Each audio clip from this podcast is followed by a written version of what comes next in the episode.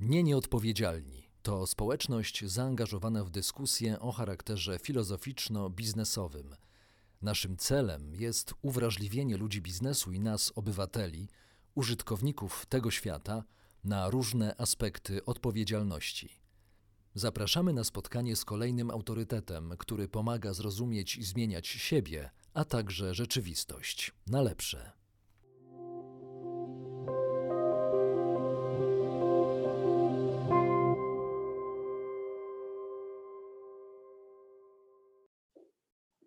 Dzień dobry Państwu. Dzisiaj chciałbym, abyśmy przyciągnęli Waszą uwagę tytułem Nasza mała digitalizacja. Nie stabilizacja, z pewnością do której chyba wciąż nam daleko, gdy pomyślimy sobie o tym, w jakich okolicznościach obecnie żyjemy, ale nasza mała digitalizacja e, to już jest hasło, które wymaga e, wprowadzenia przez ekspertkę, a tą ekspertką dzisiaj jest Dominika Betman, ekonomistka, prezeska firmy Siemens Polska przede wszystkim, ale także liderka w sektorze społecznym, mentorka i coach biznesowy.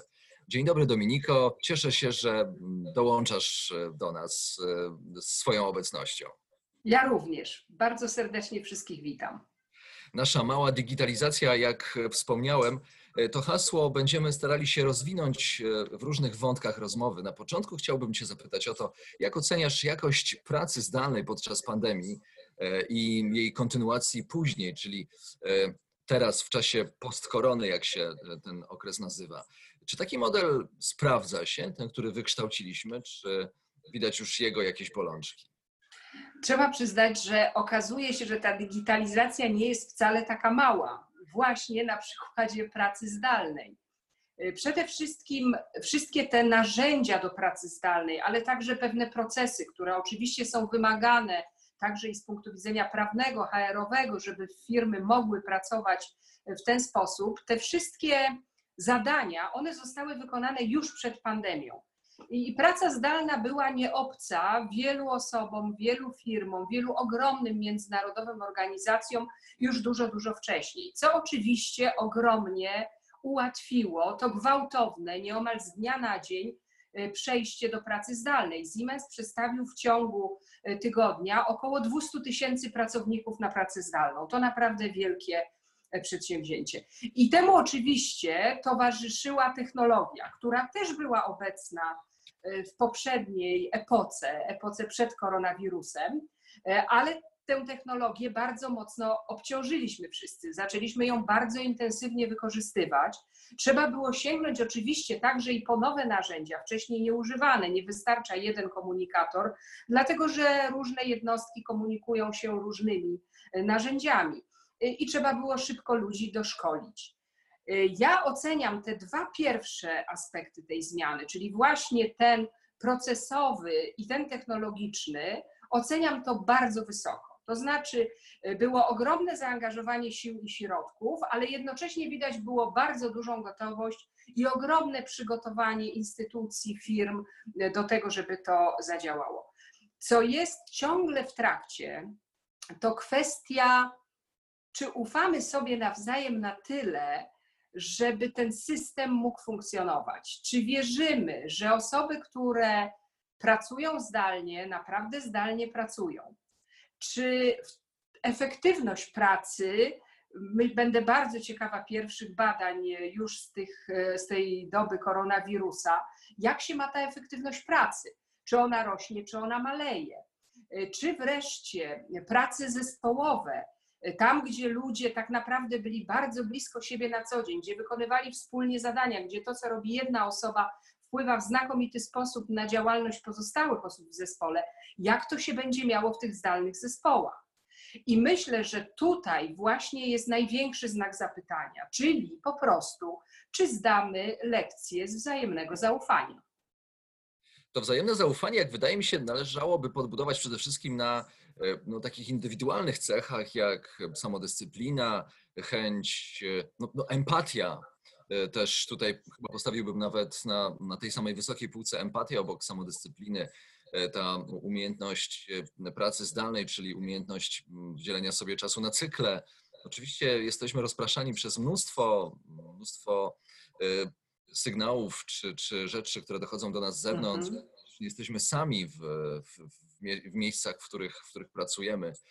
E, e, No właśnie, jak, e, mm, jak, jak sądzisz, jak bardzo to, to zaufanie grupowe, zespołowe, praca zespołowa zależy od stopnia dojrzałości, dojrzałości ludzi, którzy, no, którzy wchodzą do zespołu?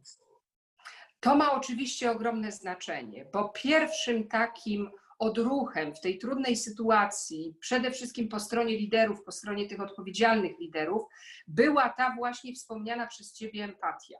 To jest to, co znakomicie odróżnia ten kryzys, czy tego czarnego łabędzia, od tego, z czym mieliśmy do czynienia w tych dotychczasowych trudnych zjawiskach, bo w ogóle zjawisko kryzysowe nie jest przecież niczym nowym.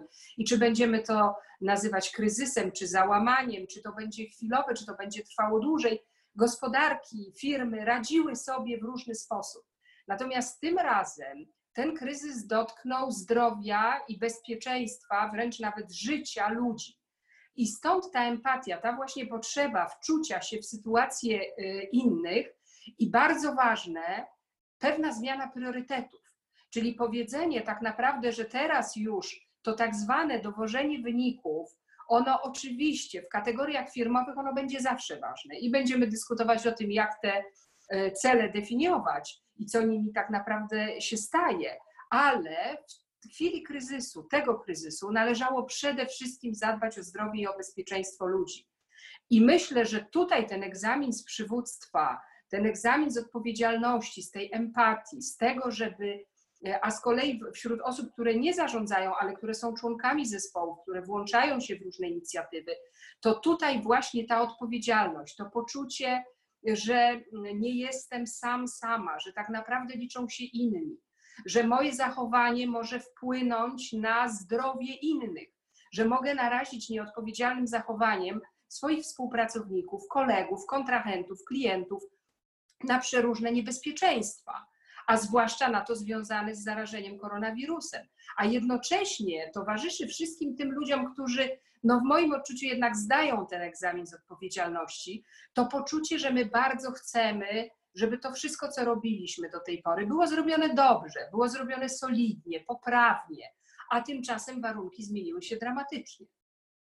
Na podstawie tego, co powiedziałeś, mogę jednak wywnioskować, że łatwo przewidzieć, jaki będzie efekt pracy po pierwszych miesiącach nowej rzeczywistości. E, czyli biorąc pod uwagę no właśnie to zaangażowanie, a z pewnością możesz to zaangażowanie zaobserwować z najlepszego punktu, bo z punktu e, liderki i prezeski w dużej organizacji. Powiedziałaś o E, o 200 mm, e, tysiącach ludzi, którzy w dwa tygodnie przeszli do, do, do cyfrowej rzeczywistości. Więc ty widzisz po prostu, że, że, że można i pewnie dostajesz w większości sygnały właśnie mocnego zaangażowania. Czy nie należy raczej podpytać o to, jak to się stanie i co się stanie z, z jakością tej pracy po, po, pół ro, po pół roku tego typu, po roku albo po kolejnych, kolejnych miesiącach, długich miesiącach pracy zdalnej? A to zależy przede wszystkim od tego, jak szybko tak naprawdę wszyscy przestawimy się na te nowe metody pracy. I tutaj jest ogromny znak zapytania, bo z jednej strony mam tak skrajne przykłady, jak takie, że słyszę od liderów, że w niektórych firmach pracownicy w ogóle nie chcą już powrócić do poprzedniego trybu pracy. My w Siemensie zrobiliśmy ankietę i 50% naszych pracowników powiedziało, że w ogóle nie potrzebuje korzystać z biura że może całkowicie e, oddać się pracy zdalnej, że to świetnie zdaje egzamin, że pomaga w łączeniu ról, że tak naprawdę podnosi efektywność. Mówimy oczywiście o tych osobach, które w domu czy skądkolwiek pracują zdalnie, mają odpowiednie warunki do tego, aby tę pracę wykonywać. Nie mówię o tej grupie, która no niestety, ale bardzo mocno borykała się z tym godzeniem ról i mam tu na myśli zarówno kobiety, jak i mężczyzn, którzy po prostu znaleźli się w sytuacji, gdzie trzeba było się zająć dziećmi, osobami zależnymi, gdzie trzeba było ugotować obiad i tak naprawdę te trudności z tą pracą zdalną, one były bardzo duże. Ale wielki znak zapytania jest do, y, odnosi się do tego, czy wszyscy wierzymy i rozumiemy, że nie będzie powrotu do tej poprzedniej rzeczywistości. Często używa się takiego określenia, najpierw się uważało, że powrót do normalności, teraz już coraz częściej się mówi o nowej normalności, a właśnie ta nowa normalność przewiduje pracę zdalną w bardzo zwiększonym zakresie. Siemens ogłosił w ubiegłym tygodniu dwa do trzech dni roboczych globalnie średnio pracy zdalnej na świecie. Czyli dwa do trzech dni w biurze, co oznacza dwa do trzech dni zdalnie. To jest rewolucja dla firmy, która e, pracowała do tej, do tej pory jednak w sposób dość tradycyjny, w ogóle dla e, tych tradycyjnych przemysłów, gałęzi przemysłu, gałęzi gospodarki, to jest naprawdę rewolucyjna zmiana. Wiemy przecież, że już poprzednio w tej pracy zdalnej były firmy liderskie, te, które są najbardziej zaawansowane technologicznie, które najszybciej weszły we wszystkie nowoczesne metody pracy, te agile'owe, no a, a jest ten środek ogromny, który w jakimś tam stopniu no, nadąża za liderami. Więc podstawowe pytanie, czy wierzymy w to, że od tego nie ma odwrotu? Bo jeśli wierzymy, to wszystkie siły i środki na pokład po to, aby jak najszybciej przestawić się i przystosować się do tej nowej rzeczywistości. E, tutaj w tej nowej rzeczywistości pojawiają się właśnie takie hasła jak czarny łabędź czy ta nowa normalność. Ja trafiłem na e, workation i staycation, czyli, jak można wnioskować po połączenie no właśnie pracy, mm, pracy w, i wakacji e, w jednym miejscu, czy, czy, czy, też, czy też pozostawania w domu i leżakowania zamiast na Ibizie, to, to na swoim balkonie. No, ja, ja to odbieram, że to działa loża szyderców, szczerze powiedziawszy. To zupełnie nie jest.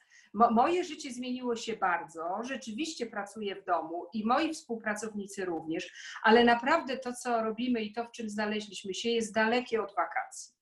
Y, I ja myślę, że ta właśnie kwestia to jest, to adresuje w punkt tę kwestię odpowiedzialności i tę kwestię, o której mówiliśmy przed chwilą, czy my wierzymy, że to już zawsze tak będzie, bo te dwa elementy są połączone. Jeżeli zrozumiemy, że nasza rzeczywistość już tak będzie funkcjonowała, i jeżeli zrozumiemy, że nadal chcemy kontynuować działalność firm, działalność organizacji, instytucji, wszystkich tych, którzy wykonują pracę, no to musimy podejść do sprawy poważnie. No i opowiadanie o tym, że to są wakacje, no mnie to szczerze mówiąc nawet trochę irytuje, bo, bo nawet się nie potrafię uśmiechnąć, y, dlatego że no po prostu ciężko pracuję. Właściwie mo mogę powiedzieć, że ponieważ musiałam się przestawić na nową metodę pracy, to jeszcze to wymagało ode mnie no, zdobycia pewnych nowych umiejętności, przyzwyczajenia się y, do tego właśnie, że rozmawiam nie z człowiekiem, co uwielbiam, tylko z ekranem, no i po prostu nie, nie łączyłabym tego, y, ale oczywiście zjawiska patologiczne zawsze występują, a nadużywanie tego, nadużywanie właśnie zaufania y, pracodawcy w ten sposób uważałabym wprost za zjawisko patologiczne, y, wymagające jakieś nagany i po prostu to, to się też przetoczy, że procesy HR-owe za tym nadążą i też będzie jakiś sposób na weryfikację tego. I ja nie mam na myśli śledzenia kogoś bo y, przed koronawirusem uważałam, że właśnie praca zdalna daje tę elastyczność. Ja nie mam nic przeciwko temu, że pracownik w tak zwanych godzinach pracy, jak ma pilną, ważną sprawę osobistą czy rodzinną, to że może ją, nią się zająć. Najważniejsze, żeby realizował zadania, najważniejsze, żeby nie oszukiwał. Prawda? To jest istota, a nie to, czy to jest między drugą a czwartą, czy między dziesiątą e, a dwudziestą drugą. To naprawdę w gruncie rzeczy widzimy to chyba coraz bardziej, nie ma żadnego znaczenia. W jednej z rozmów, e, mm, a dokładnie chodzi o rozmowę z profesorem Dariuszem Jemielniakiem, mówiliśmy właśnie też o, o możliwościach pracy zdalnej o jej uwarunkowaniach.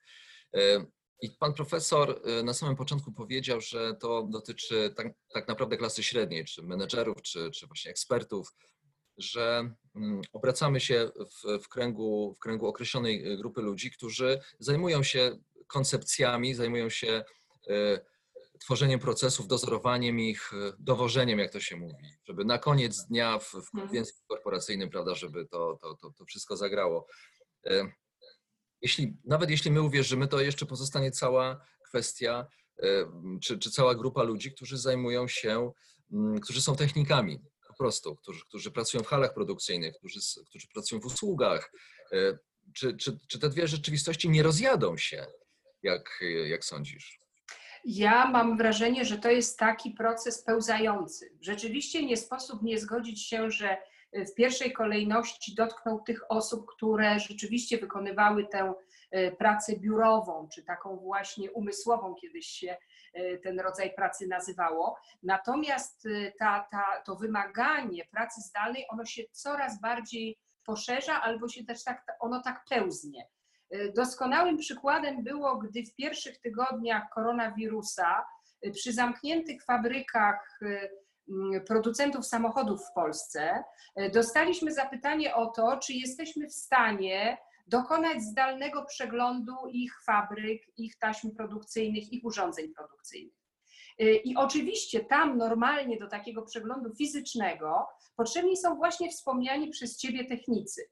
Najczęściej albo inżynierowie, albo osoby ze średnim wykształceniem technicznym, które po prostu muszą wykonać określone fizyczne prace ale przecież podobnie jak w przypadku pracy biurowej, do tego typu prac my też już przygotowywaliśmy narzędzia do zdalnej diagnostyki, do zdalnego usuwania usterek, do prognozowania potencjalnych usterek. To wszystko też było w blokach startowych, dokładnie tak jak w blokach startowych były wszystkie komunikatory e, internetowe, u niektórych wręcz używane e, w codzienności. Więc ja myślę, że to jest pewna zmiana, która jednak dotknie stopniowo coraz większą y, liczbę osób, także i pracujących fizycznie, y, także i wykonujących właśnie takie prace, o jakich wspominałeś. I to na pewno będzie trwało, to na pewno nie będzie proces natychmiastowy, ale tak naprawdę z kolei z punktu widzenia konkurencyjności mówi się, że właśnie ci, którzy dzisiaj uruchomią tego typu usługi, czyli tak naprawdę na serio potrzebują to rzekomo chwilowe zapotrzebowanie na wszystko, co zdalne, to są przyszli liderzy przemysłu. To są liderzy mm, rozwoju y, przemysłu i różnych jego y, dziedzin, i to są te firmy, które dziś zyskają zaufanie swoich klientów na kolejne długie lata. Mając teraz obraz y, całości, i tak silnie akcentowaną przez Ciebie wiarę w to, że może nasza rzeczywistość, e, rzeczywistość pracy zmieni się już tak mocno, że właściwie nie będzie powrotu do tego, żeby codziennie pojawiać się w biurze e, i pracować od tej 9 do 17 czy 18, że te procesy będą schodzić też kaskadowo do profesji, które e, były bardziej mobilne, czy bo, no bo taki był i jej, jej charakter. Pozostaje teraz kwestia, czy na wierze też opierać e, efek, efektywność, to znaczy, czy na e, jakich narzędzi użyć, bo o, o to de facto pytam, e, aby mm, mm, wciąż utrzymywać na wysokim poziomie efektywność poszczególnego pracownika i, i zespołu. Jakie to wyzwania stawia przed Tobą jako liderką? No tutaj właśnie słowo lider czy liderka jest kluczem ta, ta, ta, ten czas wymaga prawdziwych liderów. E, I do tego liderowania tak naprawdę też przez poprzednie lata mocno żeśmy się przygotowywali jako społeczność biznesowa, ale dotyczy to także wszelakich instytucji, nie tylko firm, mm, a mianowicie w taki sposób, że no następowało wyraźne wypłaszczanie struktur. W tej chwili, w dobie koronawirusa, kiedy właściwie wszyscy e, pracujemy z dala od siebie, e, ten brak struktur, on jest niejako ewidentny. Y, szefowie kontaktują się ze swoimi podwładnymi dokładnie w taki sam sposób, jak pomiędzy sobą. Y, I to, I to wydaje mi się jest taki wyznacznik, że właśnie żyjemy y, w zupełnie nowej epoce. No i to przywództwo oczywiście, ono musi być odpowiedzialne i ono musi odzwierciedlać sytuację, ono musi być adekwatne do sytuacji. Stąd tak ważne, aby było to przywództwo inkluzywne, takie, które ja osobiście głoszę już od dłuższego czasu, że odchodzimy od tego przywództwa hierarchicznego, że zasada kija i marchewki, ona działa już naprawdę w bardzo ograniczonym zakresie. To jest oczywiście związane także z rosnącą świadomością naszych pracowników. I przecież my się z tego cieszymy, że ta świadomość rośnie. To jest zjawisko pożądane. E, I to ono właśnie pozwala przejść od tego etapu, ja ci dam to, ty mi dasz to, czyli ja popracuję jeszcze dwie godziny, a potem to już pójdę do domu, do takiego naprawdę oddania się celowi, który się realizuje. I to jest możliwe tylko wtedy, gdy na czele firm stoją świadomi, odpowiedzialni przywódcy. Tylko takie osoby są w stanie stworzyć kulturę organizacyjną, która pozwala tak naprawdę pracownikom czuć, że robią coś ważnego, coś istotnego, że przyczyniają się do jakiegoś dobra wyższego. Ja myślę, że właśnie tej zmianie e, trybu pracy towarzyszy ta gigantyczna zmiana paradygmatu, co tak naprawdę dla mnie jest ważne. Bo jeżeli do tej pory ważne były kontakty międzyludzkie, a teraz ja po prostu siedzę w pokoju i rozmawiam cały dzień z ludźmi przez telefon, to ja mogę mieć ogromny problem z funkcjonowaniem jako istota ludzka. To, to, tu się pojawia się znak zapytania, czy ja tak chcę, czy to, czy to jest nadal praca, którą ja chcę wykonywać. I jeżeli nie znajdę w tym, albo ktoś mi w tym nie pomoże wskazać y, jakiegoś głębszego sensu, to będzie bardzo trudno to kontynuować. E, trudno też się nie zgodzić właśnie z tym, że e, tacy liderzy, którzy będą potrafili odwołać się do sensu, do, do, do, do wartości, e, które tworzą wspólnotę, a dopiero potem, na których można budować efekt biznesowy, że, że to, nie będzie, to, to nie będzie działać, no bo chyba rzeczywiście tutaj nie jest, przynajmniej na razie nie widzę innej alternatywy. Natomiast zastanawiam się nad tym, czy rzeczywiście wszyscy pracownicy będą chcieli e, mieć dużo swobody, bo taki model dla mnie wiąże się ze swobodą, z możliwością decydowania. Czy nie będzie tak, że będą dzwonić co chwilę do, do szefa, do, do, do, do, do przełożonego po to, żeby zapytać, czy, można, czy mo, mogę tak, albo tak, albo, albo, albo czy mogę tak. Jak sądzisz, czy, czy to ten model, o którym mówisz, wspomaga w sposób pozytywny e, samodzielność działania pracowników zespołów? Zdecydowanie, zdecydowanie. Ta cała sytuacja ogromnie wymaga ogromnej samodzielności i następuje tutaj bardzo szybki przeskok tak naprawdę w kierunku dużej samodzielności. Stąd myślę, że firmy, które były jeszcze bardzo mocno osadzone w tym dwudziestowiecznym paradygmacie hierarchiczności, one mają trudniej mają bardziej pod górkę, no bo właśnie pracownicy nie są przyzwyczajeni e, do tej dużej samodzielności. Tymczasem właśnie to, co jest potrzebne teraz, no to danie po prostu swobody działania, pozwolenie na, co też pozwoli ujawnić przeróżne talenta. Ludzie do tej pory nie odnajdywali się w takiej samodzielności, dlatego że w pewnym sensie łatwiej było wykonywać zadania, które ktoś definiował. Natomiast w tej chwili obserwujemy po pierwsze odejście w skali makro od tego paradygmatu, że tylko liczą się y, udziałowcy, ewentualnie pracownicy, do szerokiej społeczności, a w tej skali mikro przechodzimy do tego, że liczą się indywidualne, osobiste potrzeby każdego człowieka. Nie wstyd jest już teraz mówić o tym, że się je ma. To jest właśnie ta zmiana, która nastąpiła e, poprzez koronawirusa, i w związku z tym buduje się po prostu zupełnie inny model współpracy, oparty właśnie na zaufaniu, na większej otwartości. I oczywiście to, to powtórzę się, ale tam, gdzie ta hierarchiczność była bardzo wysoka, droga jest dłuższa, ale ona jest nieunikniona. Tak więc o, te, o tę hierarchiczność jeszcze podpytam, a bardziej o strukturę takich e, gałęzi przemysłu, które wydają się tradycyjne, czy, czy nie tylko przemysłu, ale w ogóle gospodarki, jak chociażby nauka. Teraz pomyślałem o nauce, o uniwersytetach. Całkiem niedawno temu ogłoszono ranking wyższych uczelni, mm, także tego profilu biznesowo-zarządczym i tutaj są przetasowania. Na, na czoło wychodzą prywatne uczelnie, te państwowe schodzą, schodzą niżej no, te państwowe to są rzeczywiście instytucje, które wykształciły swoje struktury w wieloletnim, jeśli nie wielowiekowym trwaniu. Czy tradycyjne gałęzie gospodarki mają w sobie możliwość przejścia na te nowe modele pracy, zarządzania, jakim kosztem i ile czasu mhm. ile zająć? Akurat przemysł i edukacja to, to dwa moje ulubione obszary. Zacznę od tego pierwszego, czyli od przemysłu.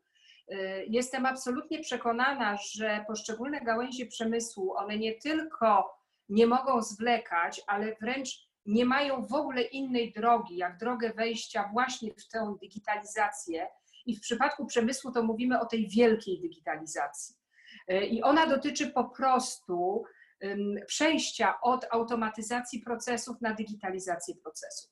Czyli tu nieuniknione jest, nieuniknione są takie obszary, jak analityka danych, jak przechowywanie danych w chmurze, jak cyfrowy bliźniak. Przemysł idzie w tym kierunku, zmierza, można powiedzieć, wielkimi krokami, zwłaszcza jeśli chodzi o wszelkie usługi zdalne, właśnie do takiego docelowego modelu. I w zasadzie w tej chwili ta, ta zależność pomiędzy IT i OT, która przez ostatnie 10 lat była dyskutowana, czy to nastąpi, czy to nie nastąpi, a jak to będzie, a która z tych stron ma prymat, czy ważniejszy automatyk, czy ważniejszy informatyk, kończymy z tym kończymy z tym. Teraz po prostu następuje symbioza, ona musi nastąpić i w moim odczuciu jest to proces absolutnie fascynujący i ta kolejna generacja, która powstanie w wyniku tego procesu, to będzie coś niesamowitego. Proszę spojrzeć, co się dzieje z przemysłem samochodowym, który no, wydawało się, że jest w ogóle nie do, nie do zmiany, nie do zmiany. Prawdopodobnie tam wystąpi no, po prostu totalna zmiana. A teraz druga część Twojego pytania, czyli nauka.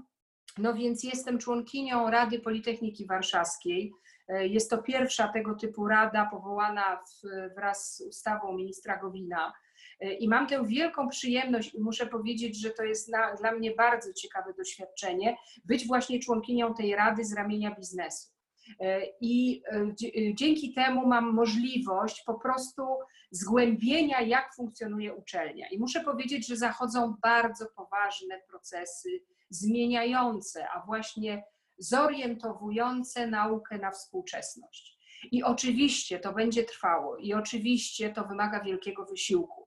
I oczywiście też rozumiem Twoje pytanie doskonale odnośnie tych struktur, bo jeśli gdzieś struktury są, nazwijmy to sztywne, żeby nie użyć określenia skostniałe, to na pewno w świecie akademickim ale ten świat zaczyna poprzez doktoraty wdrożeniowe, poprzez studia dualne, poprzez staże na wszystkich latach studiów, zaczyna naprawdę zbliżać się do gospodarki, do przemysłu, do praktyki. I ja myślę, że tu no, no jest ogromna jeszcze praca do wykonania i to zarówno po stronie świata akademickiego, jak i po stronie biznesu, ale też naprawdę bardzo dużo się dzieje i te przykłady współpracy nauki z biznesem one są naprawdę świetlane.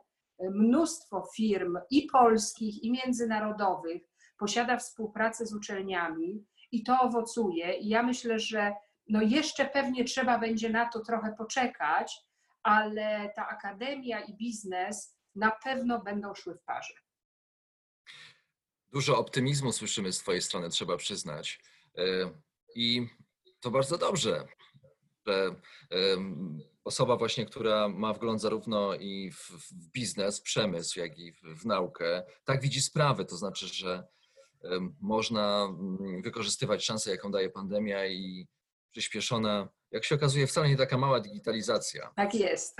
Natomiast e, pojawia się wątpliwość, czy kryzys, który, który załóżmy, zakładając zły scenariusz, a i taki musimy zakładać, czy on nie spowoduje, że nawet mając entuzjazm, technologię, nawet mając wiarę, e, mm, te, nawet digitalizacja nas nie, nie uratuje, a wręcz odwrotnie, może ludzie zaczną w pewnym momencie postrzegać e, to przejście do e, rzeczywistości cyfrowej jako coś, co, co zawiniło, bo nie było tak jak dawniej. Obudzą się resentymenty, mhm. obudzi się nostalgia za, za przebywaniem na wsi pod, pod lipą i, i, i pisanie piórem. Ależ kiedy właśnie dzięki nowoczesnym technologiom, właśnie dzięki nim będziemy mogli y, siedzieć pod tą lipą, jak odpowiednio je wykorzystamy, bo y, jest taka świetna, taki świetny rysunek, to pewnie ty też to widziałeś i może nasi odbiorcy również, gdzie jest y, jedna fala, która zmiata, to jest COVID, a ta kolejna fala, ta największa na tym rysunku, tak naprawdę za recesją, to są zmiany klimatyczne. Czyli przede wszystkim e, trzeba założyć, że gwałtowne zmiany i tego typu zawirowania, jakie są w tej chwili w dobie koronawirusa, że one będą miały miejsce stale. Czyli wychodzimy z tych lat, no nazwijmy to, permanentnego wzrostu, gdzie, gdzie ten paradygmat wzrostu był dominujący, gdzie wskaźniki jak nie rosły, to była katastrofa. Ja to doskonale znam w skali mikro, y, mojej firmy i podejrzewam, że wszyscy ludzie biznesu to znają. Cele na następny rok to jest na pewno to, co osiągnąłeś w tym roku, plus 10, 15, 20%. Zależy od rynku, zależy od dynamiki y, biznesu. I to, i to, było, to, to była stała, tak? czyli taka zmienność była stała. W tej chwili o takiej zmienności w zasadzie możemy zapomnieć, bo te zachwiania na pewno będą następowały i większość firm notuje w tej chwili spore spadki tak naprawdę przychodów i na to nie ma, na to nie ma lekarstwa. Natomiast najważniejsze, i, i stąd się też bierze mój optymizm, on się bierze z tego, że y, uwolniłam się od takiego trzymania się tych zdefiniowanych celów. Czyli po prostu ja wiem, że ja je ze swojej korporacji dostanę. Ja wiem, że Unia Europejska i wszystkie kraje i cała gospodarka światowa oparta jest na paradygmacie wzrostu i jeszcze długo nie przestaniemy śledzić tego, ile komu PKB spadł albo, albo wzrósł. To, to jeszcze na pewno potrwa, ale optymizmem napawa to, że zaczynamy jako społeczność świata zwracać uwagę na inne parametry. I to jest ten powód do mojego, do mojego optymizmu. To sprawia, że patrzę no, nieco lepiej w przyszłość, bo gdyby patrzeć rzeczywiście tylko z punktu widzenia wygrana, przegrana, to obecna sytuacja byłaby bardzo trudna do zinterpretowania. Co powoduje, że mamy zupełnie inne podejście, jak, jak sądzę, można mieć zupełnie inne podejście do, do celów prawda, firmy, bo z tego, co powiedziałaś, no skoro realizowanie paradygmatu wzrostu z roku na rok o te 10-15% e, już e, staje się mało realistyczne, to mm, co w zamian, co, co będzie kryterium sukcesu firmy? No właśnie. I tu można powiedzieć, że to koło nam się zamyka, bo dochodzimy z powrotem do tej motywacji pracowników. Zaczęliśmy od nich, zaczęliśmy od tego, że e, są dla firmy najważniejsi, że wszystko zależy od ludzi. I teraz właśnie do ludzi powracamy, w takim sensie, że utrzymanie ludzi w motywacji, odpowiednie ich wyedukowanie, przygotowanie do pełnienia tych nowych ról wymaga oczywiście ogromnego wysiłku i bardzo ważne w tym wszystkim jest nadanie właśnie pewnego celu innego niż tylko cel merkantylny. Czyli w prostych słowach, nikt, nikt już dzisiaj nie chce pracować tylko po to, żeby urosło o te 15% i żeby marża wynosiła 33, a nie 29. Po prostu to już nie jest ten świat. Nam wszystkim jest potrzebna inna motywacja do pracy, a gdy patrzymy na te zagrożenia, które pochodzą z zewnątrz, które pochodzą z sił natury, które pochodzą ze zmieniającego się klimatu, z niepewnej sytuacji politycznej, to niewątpliwie tym czymś jest jakiś wyższy cel czyli cel, który pozwala uwierzyć, że robię coś wartościowego. To na przykład też bardzo dotyczy mnie. Ja bardzo silne mam takie poczucie, że ja już nie chcę tkwić w tych tradycyjnych strukturach korporacyjnych, gdzie ja już wszystko wiem, ja już to wszystko przeżyłam i w zasadzie ten taki lekki cynizm, który tutaj w pewnym momencie nam się pojawił, no on mógłby być, ja bym to potrafiła, tak? tylko ja tego nie chcę.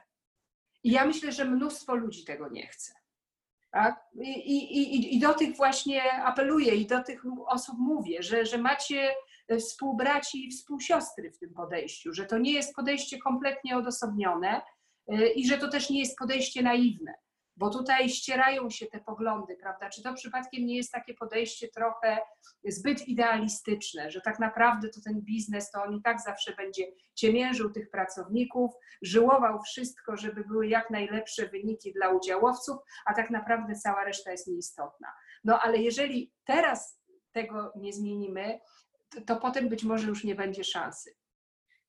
Zacząłem od parafrazy Różewicza, mówiąc o naszej małej digitalizacji. Zastanawiałem się teraz nad tym, czy przejść do jakiegoś bardziej światowego dzieła, nie ujmując dzieł Tadeusza Różewicza. No i przychodzi mi do głowy Huxleya Nowy Wspaniały Świat, więc... No właśnie. E. No właśnie, to też optymistycznie. To będzie ten nowy wspaniały świat. Dominika Betman, prezeska firmy Siemens i nie tylko, liderka w różnych sektorach, była naszym gościem. Bardzo dziękuję za rozmowę. Ja również. Dziękuję bardzo.